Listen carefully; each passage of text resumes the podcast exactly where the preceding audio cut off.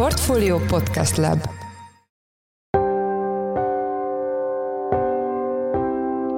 Mindenkit üdvözlünk, sziasztok! Ez a Checklist a Portfolio podcastja április 21-én pénteken. Az adás első részében ismét a kormány által elrendelt kötelező bolti akciózásról lesz szó, úgy, hogy megnézzük, milyen hasonló intézkedést vezettek be Franciaországban és Görögországban. Ha akciós termékeket is árulnak a cégek, az is jellemzően azzal szokott járni, hogy a, ha veszteségük is keletkezik egyes behívó termékeken, tehát ők tudják nagyon jól, hogy a legtöbb vásárló például mondjuk a kenyér vagy a banánárához igazítja azt, hogy hol fog vásárolni, akkor más termékeken, tehát mondjuk a népszerű felvágottakon, sajtokon, olivabogyókon ezt vissza tudják hozni. Vendégünk Szabó Dániel, a portfólió makroelemzője. A második blogban a Volkswagen részvényeinek árfolyamáról fogunk beszélgetni Ivkovics Ábrahámmal, a Hold alapkezelő elemzőjével, ugyanis a világ egyik legnagyobb autóipari cégének részvényárfolyama igen régóta stagnál, miközben leányvállalata, a Porsche értéke már az anyacégét is megelőzte. Én Szász Péter vagyok, a Portfolio Podcast Lab szerkesztője, ez pedig a checklist április 21-én. A checklist előző adásában már foglalkoztunk a kormányinfón bejelentett kötelező akciózással, amely a nagyobb boltokat kényszeríti vagy kötelezi arra, hogy több termékkategóriában akciós termékeket áruljanak. Ezt a rendszert várhatóan július előtt bevezetik, és emellett fennmarad az eddig is ismert árstop. Hasonló intézkedést pedig bevezettek már Görögországban és Franciaországban is. Itt van velünk a telefonban Szabó Dániel, lapunk makroelemzője. Szia! Szia, és köszöntöm a kedves hallgatókat. Elsőként arra kérlek, hogy nézzük a, a francia rendszert, milyen hasonlóságot mutat a magyarral. Itt egy elvi hasonlóságról beszélhetünk, ugyanis a kormány valóban egyeztetett a kiskereskedelmi láncokkal arról, hogy bizonyos termékkategóriákban tartsanak akciós árukat. Itt nem határozták meg azt, hogy pontosan mekkora árkedvezményt kell biztosítani a különböző cégeknek, de azt viszont a hosszúra nyúlt egy hónapos tárgyalási folyamatban rögzítették, hogy minden termék kategóriában, ami az élelmiszer termékcsoporthoz kapcsolódik, szükséges valamilyen akciós árut tartani. Nagyon fontos különbség viszont az, amit már említettem is, hogy itt a kormány hosszasan egyeztetett a kiskereskedelmi szektor szereplőivel, Franciaországban egyébként jóval több kiskereskedelmi lánc működik, mint Magyarországon. Tehát itt nagyjából tíz cégről beszélünk, amiben vannak Magyarországon is ismert vállalatok, mint mondjuk az Osan és az Aldi, de vannak itthon ismeretlen cégek, mint például a Carrefour vagy a Leclerc hálózat. Azt lehet már látni, hogy ennek a ennek az akciózásnak volt-e valamilyen hatása egyfelől infláció leszorító, másfelől pedig esetleg levette a terhet a, akár a beszállítók válláról, vagy akár a vásárlókéről más tekintetben? Viszonylag rövid ideje létezik még csak a francia rendszer. Március 1 fejeződtek be a tárgyalások a kormány és az iparági szereplők között. Így ebben az elmúlt kicsit több mint másfél hónapban azért arra vonatkozó következtetéseket nehéz levonni, hogy az infláció ellen ez mennyire volt hatékony. A statisztika nem is igazolja ezt vissza. Tehát, hogy februárról márciusra 15,9%-kal ugrottak meg éves alapon a élelmiszereknél az árak. Tehát ez összességében azt jelenteni, hogy kudarcról beszélhetünk, míg a francia kormány egyébként a saját kutatásaira hivatkozva azt állította, hogy átlagosan 5%-kal csökkentek az árak az érintett élelmiszertermékeknél. Az látszik, hogy a megállapodás értelmében, amiben egyébként nem is vett részt az összes kiskereskedelmi lánc, tehát sokan maguk tettek felajánlásokat, de nem voltak hajlandók a kormány kéréseinek megfelelni, engedelmeskedtek is. Tehát a, majdnem mindegyik kiskereskedelmi láncnál százas nagyságrendben vannak leárazott termékek, és az az, ami biztosan látszik Franciaországban is iparági szakportáloknak a felmérései alapján, hogy leginkább a saját márkás termékeiket áraszták le, és mondjuk például az olyan prémium kategóriás élelmiszerek, mint a bio vagy organikus készítmények, ott azért nagyon-nagyon kis arányban alkalmaztak csak árengedményeket, tehát egy százaléka ezeknek a termékeknek az, aminél valamilyen akció érvényes. Azt mondod, hogy a saját márkás termékeket áraszták le, és ugye Magyarországon volt egy olyan hatás, hogy a, az olcsóbb termékek ára arányaiban nagyobb mértékben nőtt, mint a prémium vagy, vagy magasabb kategóriás termékeké. Ez Franciaországban igaz volt, hogy ezt nem lehet tudni? Nagyon sokáig igaz volt, tehát a tavalyi évben a nagy inflációs felévelés második szakasza az már arról szólt, hogy a, amikor megindult a lefele vásárlás, vagyis az a folyamat, amikor az emberek a prémium vagy akár minőségi termékek felől elfordultak, mert már nem engedhették meg maguknak, akkor jelentősen nőtt a forgalma az alacsony árkategóriában lévő termékeknek, tehát ezeket így a, a budget és diszkont saját márkás készítmények esetében ott ez megfigyelhető volt. Egy lassabb ütemben történt egyébként mindez, mint Magyarországon, tehát ott egy átlagos 10%-os felértékelődés volt ezeknél a termékeknél is, amiben egyébként nem csak annak volt szerepe, hogy a lefelvásárlás megindult, hanem az állam rászoruló háztartásokat, tehát például ez az egyetemistákat, a nyugdíjasokat és az alacsony keresetőeket készpénzzel is támogatta tavalyi év során, és akkor ez a befolyó, kinyomtatott célzott támogatás, ez egyébként pont ezeknek a termékeknek az árát is felhajtotta. De az nagyon fontos volt, hogy a francia versenyhivatal egyébként folyamatosan monitorozta azt, hogy a drágulás mennyire természetes és magyarázható költségnövekedéssel, ami főként egyébként az energia és szállítási díjak emelkedésének volt köszönhető, és ennek hatására többször is figyelmeztettek cégeket, és az látszik, hogy körülbelül ilyen 1-2 százalékos haszonkulcs maradt a legtöbb élelmiszerterméknél Franciaországban, ami, ami azt jelzi, hogy igazán nagy indokolatlan árazások nem voltak. Értem, akkor térjünk át a görögökre. Mit lehetett ott látni? Miben, miben hasonlított az a rendszer, vagy hasonlít az a rendszer a magyarhoz? Görögországban tavaly november elejétől vezették be azt, hogy alapélelmiszerek esetében kötelezték a cégeket arra, hogy akciózzanak. Eleinte 31 termékkategóriát határoztak meg, amelyek a tegnap a kormányinfon Szent Király Alexandra kormányszóvő által ismertetett csoportokhoz nagyon hasonlóak, tehát így a kenyér, tej, tészta, rizs, hús, olívaolaj és társai voltak azok, amik bekerültek ebbe a termékcsoportba. Itt is az állam egyébként egyeztetett a kiskereskedelmi szereplőkkel, hogy mindenképpen legyenek ezekben a kategóriákban leárazott készítmények, és annyi különbség viszont van, hogy ott sem határoztak meg effektív szintet, tehát hogy mennyivel kell és milyen időszakhoz képest olcsóbban adni ezeket a termékeket, mindösszesen annyi volt meghatározva, hogy mindenképpen kell ezekből akciós termékeknek lenniük. Amivel a görög kormány próbálta kiegyenlíteni azt, hogy ezzel esetleg plusz nyomást helyez a élelmiszer kiskereskedelmi láncokra, az az volt, hogy a többi termék esetében meghagyták a szabad árazást. Emiatt már a görög konzervatív kormányt eleve kritizálták amiatt, hogy ennek infláció csökkentő hatása kevés lesz. Azonban a görög cél nem is az volt, hogy a statisztikai adatokban legyen egy kimutatható csökkenés, hanem hogy a legszegényebb háztartásokat tudják segíteni. És sikerült ez végül?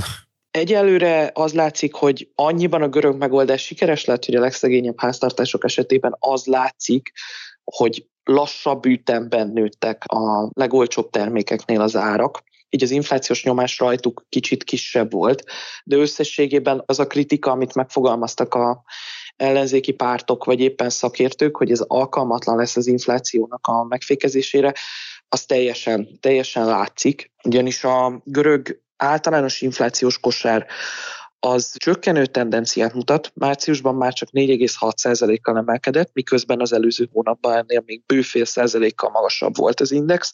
Az élelmiszereknél viszont 14,3%-os volt a drágulásnak a mértéke, ami az előző hónaphoz képest rosszabb adat, mert akkor még csak 13,5% körüli eredményről számolt be a statisztikai hivatal. Ami még a görögöknél szintén kibukott, ahogy Franciaországban, úgy náluk is jelentősen megugrott a saját márkás termékek iránti kereslet, 25%-kal többet tudtak eladni ebből a nagy láncok, miközben egyébként a görögöknél a vásárlási volumen érezhetően visszaesett.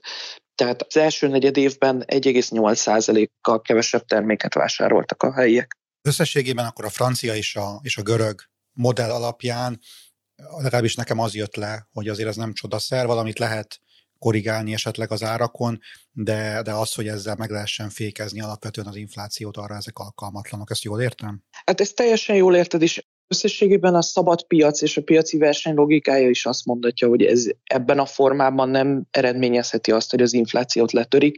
Nyilván Magyarországon még egyelőre kevéssé ismert, hogy egyes termékeken mekkora profitot realizáltak a kiskereskedelemben. Hagyományosan egyébként egy 2-3 százalékos haszonkulcs szokott lenni az egyes eladott termékeken.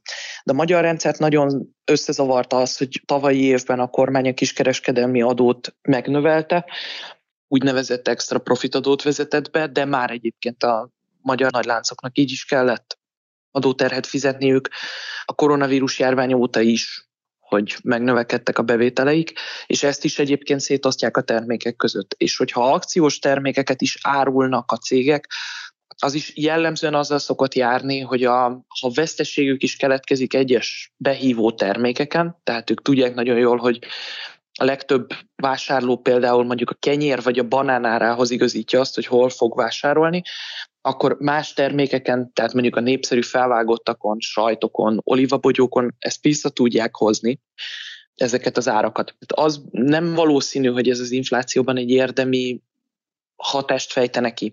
Nagyon nagy kérdés az, hogy miután Magyarországon a kormány nem egyeztetett előzetesen a kiskereskedelmi láncokkal, milyen folyamatok indulnak el majd a kereskedőknél, tehát hogyan próbálják majd ezeket a szabályokat a lehető leg értelmezni, ami még jogilag lehetséges a számukra, hogyan tudják megtartani profitkulcsukat, vagy minimálisra venni annak a csökkenését. Ez egy nagyon fontos kérdés lesz. Ahogy azt sem teljesen ismerjük a egyelőre csak szavakban bejelentett jogszabálytervezetből, hogy a kormány milyen lépéseket tesz ennek kiszűrésére, hogy elosszák a veszteséget egyéb termékeken. Tehát itt még azért sok tisztázandó kérdés lesz. Ha a görög példából indulunk ki, akkor az látszik, hogy a alacsonyabb keresetű háztartások helyzetén valóban lehet segíteni átmenetileg egy ilyen lépéssel, de ahogy az várható is volt, és erre Magyarországon is nagy esély van, miután egy előre bejelentett szigorításról beszélhetünk, hogy a, a nagy láncoknak a beszállítókkal újra kell tárgyalniuk azt, hogy mit és milyen áron vásárolnak meg. Franciaországban egy nagyon nagy konfliktus lett, mert rögtön 10%-ot emeltek a, a beszállítók a termékeken. És ott ráadásul egy olyan konfliktus is kibontakozott, hogy mivel a saját márkás termékeket áraszta a legtöbb lánc, a prémiumabb beszállítókkal, vagy akár a középső termékskálát képviselő, termékminőséget képviselő gyártókkal egy lefele alkudozás is elindult, arra hivatkozva, hogy hát láthatjátok, a saját termékünket a beszállítónk 25%-kal olcsóbban szállítja, mint ti, ezért akkor tőletek is árengedményekre számítunk. És ez az alkudozás nem feltétlenül egészséges, nagyon sok beszállító kerülhet veszteségesebb vagy hátrányos helyzetbe, miközben egyébként a költség növelő tényezőknek egy része nem veszett még ki a gazdaságból. Alacsonyabbak az energiárak, mint voltak tavaly ilyenkor, de nincs rá garancia, hogy ezek nem fognak megemelkedni. Úgyhogy itt sorozatos tárgyalásokra van szükség a különböző gazdasági szereplők között az ellátási láncban, és nem csak az a, a fontos, hogy a végfogyasztóhoz hogyan jut el egy termék. Értem, hát valószínűleg kell még nekünk is egy pár hónap, vagy talán évvége felé fogjuk látni, hogy a hogy a magyar rendszer beváltotta a hozzáfűzött reményeket. Az elmúlt percekben Szabó Dániel lapunk makroelemzője volt a vendégünk. Köszönjük, hogy a rendelkezésünkre álltál. Szia! Köszönöm a lehetőséget, sziasztok! Bár a Volkswagen a világ egyik legnagyobb autógyártója, úgy tűnik, hogy részvényeit leírták a tőzsdén, legalábbis az alapján, hogy gyakorlatilag azon a szinten mozog az árfolyama, ahol tíz évvel ezelőtt. Itt van velünk a telefonban Ivkovics Ábrahám, a holdalapkezelő munkatársa, elemzője. Szia! Sziasztok, üdvözlöm a kedves hallgatókat! Az első kérdésem, vagyis kérésem, hogy mondd a hallgatóknak, hogy hogyan alakult a Volkswagen árfolyama az elmúlt néhány évtizedben, illetve hogyan alakult a Covid óta. Itt perspektívába szeretném először helyezni, hogy két Volkswagen árfolyamat lehet látni. Az egyik a törzs részvénye, a másik pedig az elsőbségi részvényé. Annyi a különbség a kettő papír között, hogy az elsőbségi részvény nem rendelkezik szavazati joggal, viszont minimális eurócentes addicionális osztalékra jogosult, amennyiben a Volkswagen vezetősége úgy dönt, hogy ténylegesen ki is fizeti azt. És itt a Volkswagen teljesítménye során azt érdemes megjegyezni, hogy világ egyik vezető autógyártója volt, pénzügyi teljesítményben és tőzsdei kapitalizációban is a Volkswagen a 2015-ös emissziós botrányig, azóta azonban meglehetősen gyengén szerepel, szinte oldalaz, hogyha részvényárfolyamokat nézzük 10 éves távlaton, akkor azt láthatjuk, hogy nagyjából 10 év alatt szinte sehova nem mentek az árfolyamok, vagy még enyhén csökkentek, ugyanakkor a képhez az is hozzátartozik, hogy a Volkswagen osztalékfizető részvény, mivel képes és hajlandó és osztalékot fizet tulajdonosainak, tehát a kép kicsit árnyaltabb attól, mint hogyha szimplán ránézünk az árfolyamokra, mivel a kifizetett osztalék nyilvánvalóan kivonódik az árfolyamokból. Így a teljesítménye annyira nem rossz, mint hogyha egyszerűen ránéznénk az árfolyam csártokra, viszont érdemes megjegyezni, hogy a német piachoz képest, például a DAX piachoz képest, ami azért a 2008-as válság óta Európában relatíve jól teljesített, ahhoz képest a Volkswagen teljesítménye árfolyam szempontjából meglehetősen gyenge volt az utóbbi tíz évben. A Covid óta pedig itt is ugyanazt mondhatjuk el, mint, mint az emissziós botrány óta, hogy nagyjából ugyanott van az árfolyam szint, mint a Covid előtt. Az elsőbségi papíroknak az árfolyama enyhén lentebb, a törzsrészvények árfolyama pedig szinte pontosan ugyanott van, mint a járvány előtt. Ezzel kapcsolatban két kérdésem lenne. Az egyik, hogy akkor ezek szerint legalábbis a befektetők komolyan megbüntették a céget emiatt a hát botlásnak talán hát sokkal nagyobb, mint egy botlás, ez amit, amit a dízelbotránynak nevezünk. Ez az egyik kérdés van, másik pedig, hogy hogyan viszonyul ez a fajta stagnálás ahhoz, hogy azért mégiscsak a világ legnagyobb és azért eladásait tekintve növekvő cégéről beszélünk. Itt az emissziós botrány kapcsán érdemes megjegyezni, hogy 2021-ig bezárólag közel 30 milliárd euró büntetést, visszahívást és egyéb jogi költséget kellett kifizetni a Volkswagennek, ami a jelenlegi piaci értékének több mint 40 a tehát ez egy brutálisan nagy összeg, ami nyilvánvalóan az osztaléki kifizetéseknek is a rovására ment.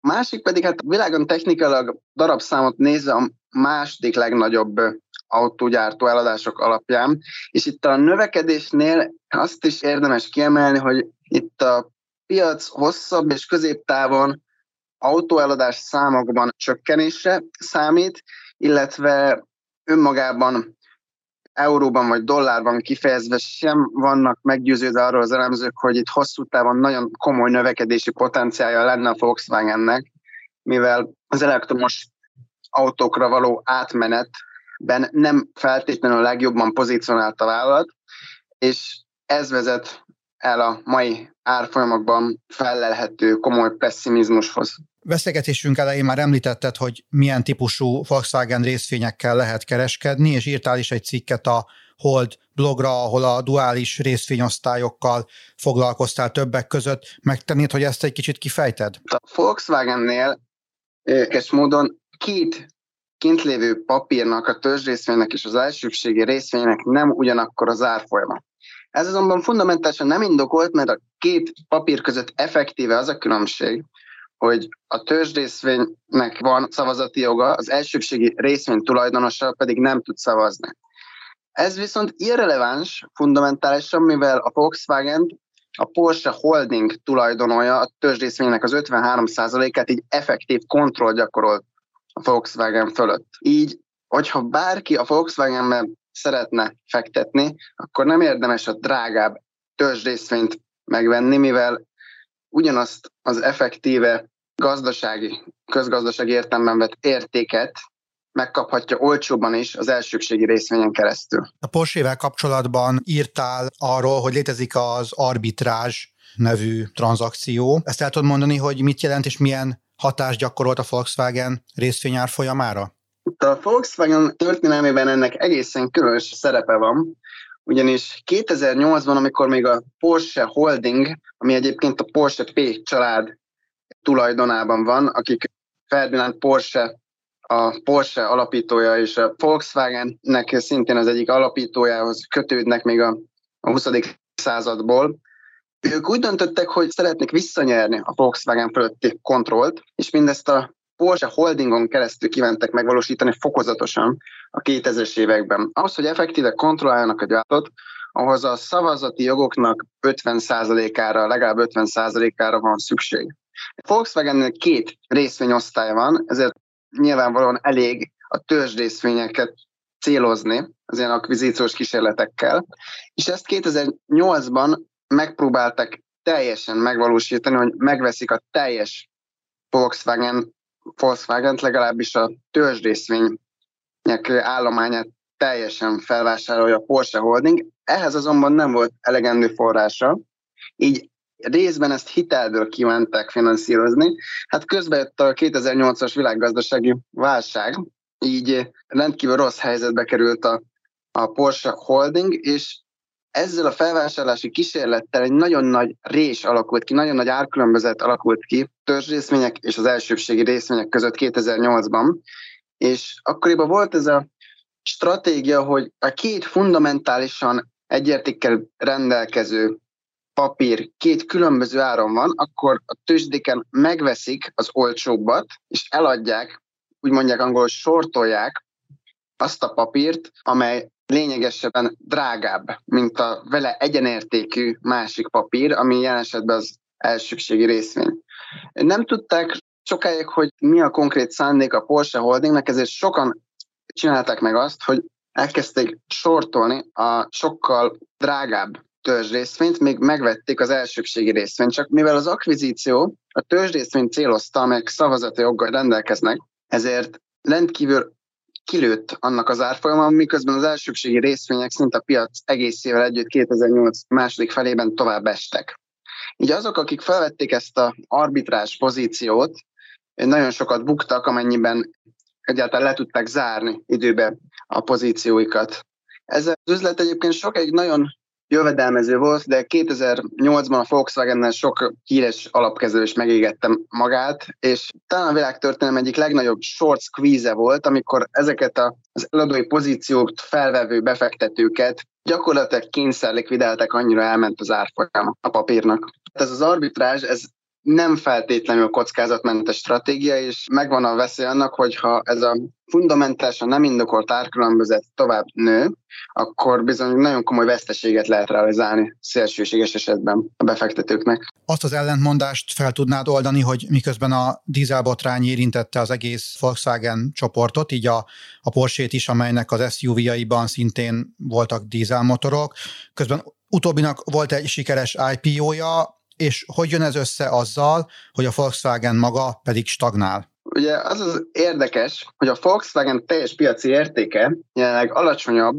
mint a ráeső Porsche papíroknak az értéke. Tehát, hogy jelenleg a Porsche olyan 110-115 milliárd eurót ér összesen, míg a Volkswagen mindössze 70 milliárdot. És a Volkswagen még mindig tulajdonolja a Porsche sportautógyártónak a 75 százalékát, amelynek az értéke 80-85 milliárd euró köré tehető. Ez fundamentális értelemben azt jelenti, hogy a piac a Volkswagennek minden más eszközére a porsche kívül negatív értéket számol. Ez meglátásom szerint nem indokolt és abszurd.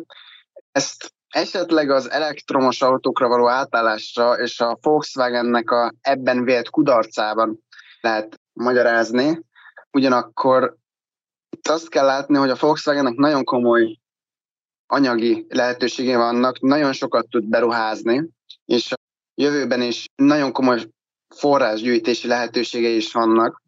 Tehát amíg a Volkswagennek tényleg van kapacitása legyártani és eladni 8-9 millió autót évente, addig az ehhez való finanszírozási képessége és beruházási képesség is megvan a vállalatnak. Így amennyiben sikeresen át tudna állni legalább részben az elektromos autók piacára, akkor azt a piac az árazásában is vélhetően meghálálná a befektetőknek, ugyanakkor úgy gondolkodnak nagyon sokan, hogy ez az átállás, ez nehézkes lesz a Volkswagen számára, és nagyon nagy valószínűséggel kudarcba fog fulladni, valamint a piaci részesedésének a jelentős visszaesésével is járhat.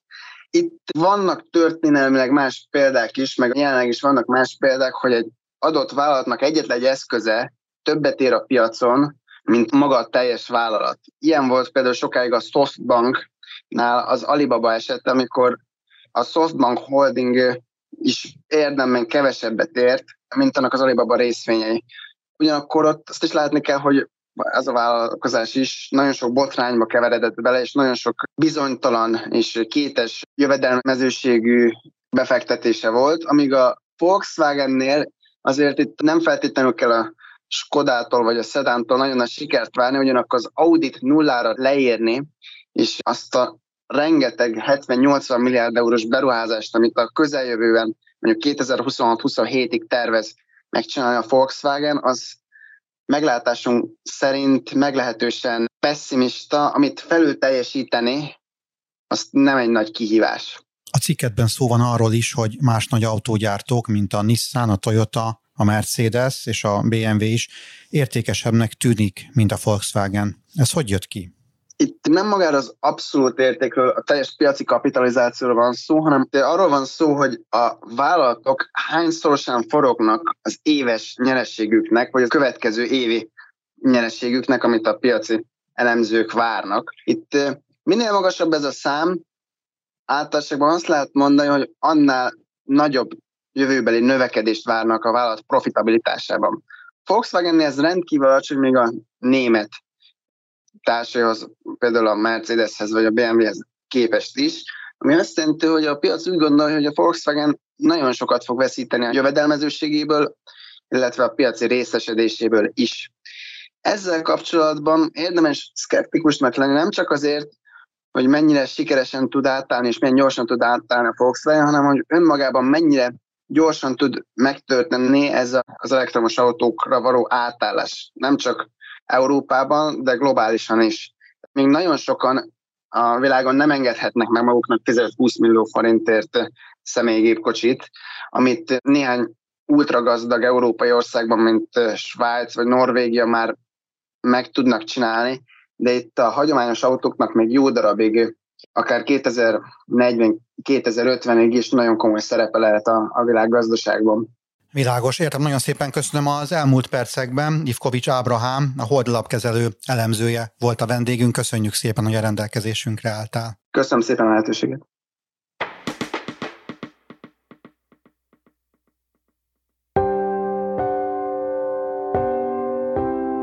Ez volt már a checklist, a Portfólió munkanapokon megjelenő podcastje. Ha tetszett a műsor és nem tetted volna meg, iratkozz fel a Checklist podcast csatornájára valamelyik nagyobb platformon, például Spotify-on, Apple vagy Google podcasten. Ha segítenél nekünk abban, hogy minél több hallgatóhoz eljussunk, értékelj minket azon a platformon, ahol ezt az adást meghallgattad. A mai műsor elkészítésében részt vett Bánhidi Bálint, a szerkesztő pedig én voltam Száz Péter. Új műsorra szombaton jelentkezünk, ekkor jön a checklist külön kiadása, amiben Magyarország globális pozícióját értékeljük Feledi Botont külpolitikai szakértővel. Reklám következik.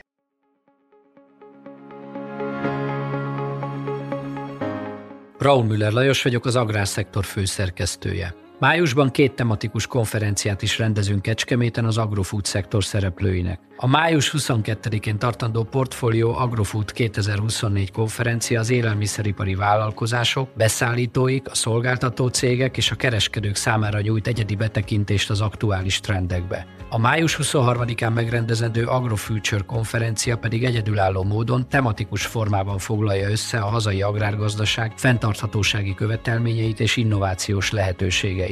Jöjjön elő is, részletek és jegyek a portfolio.hu per rendezvények oldalon.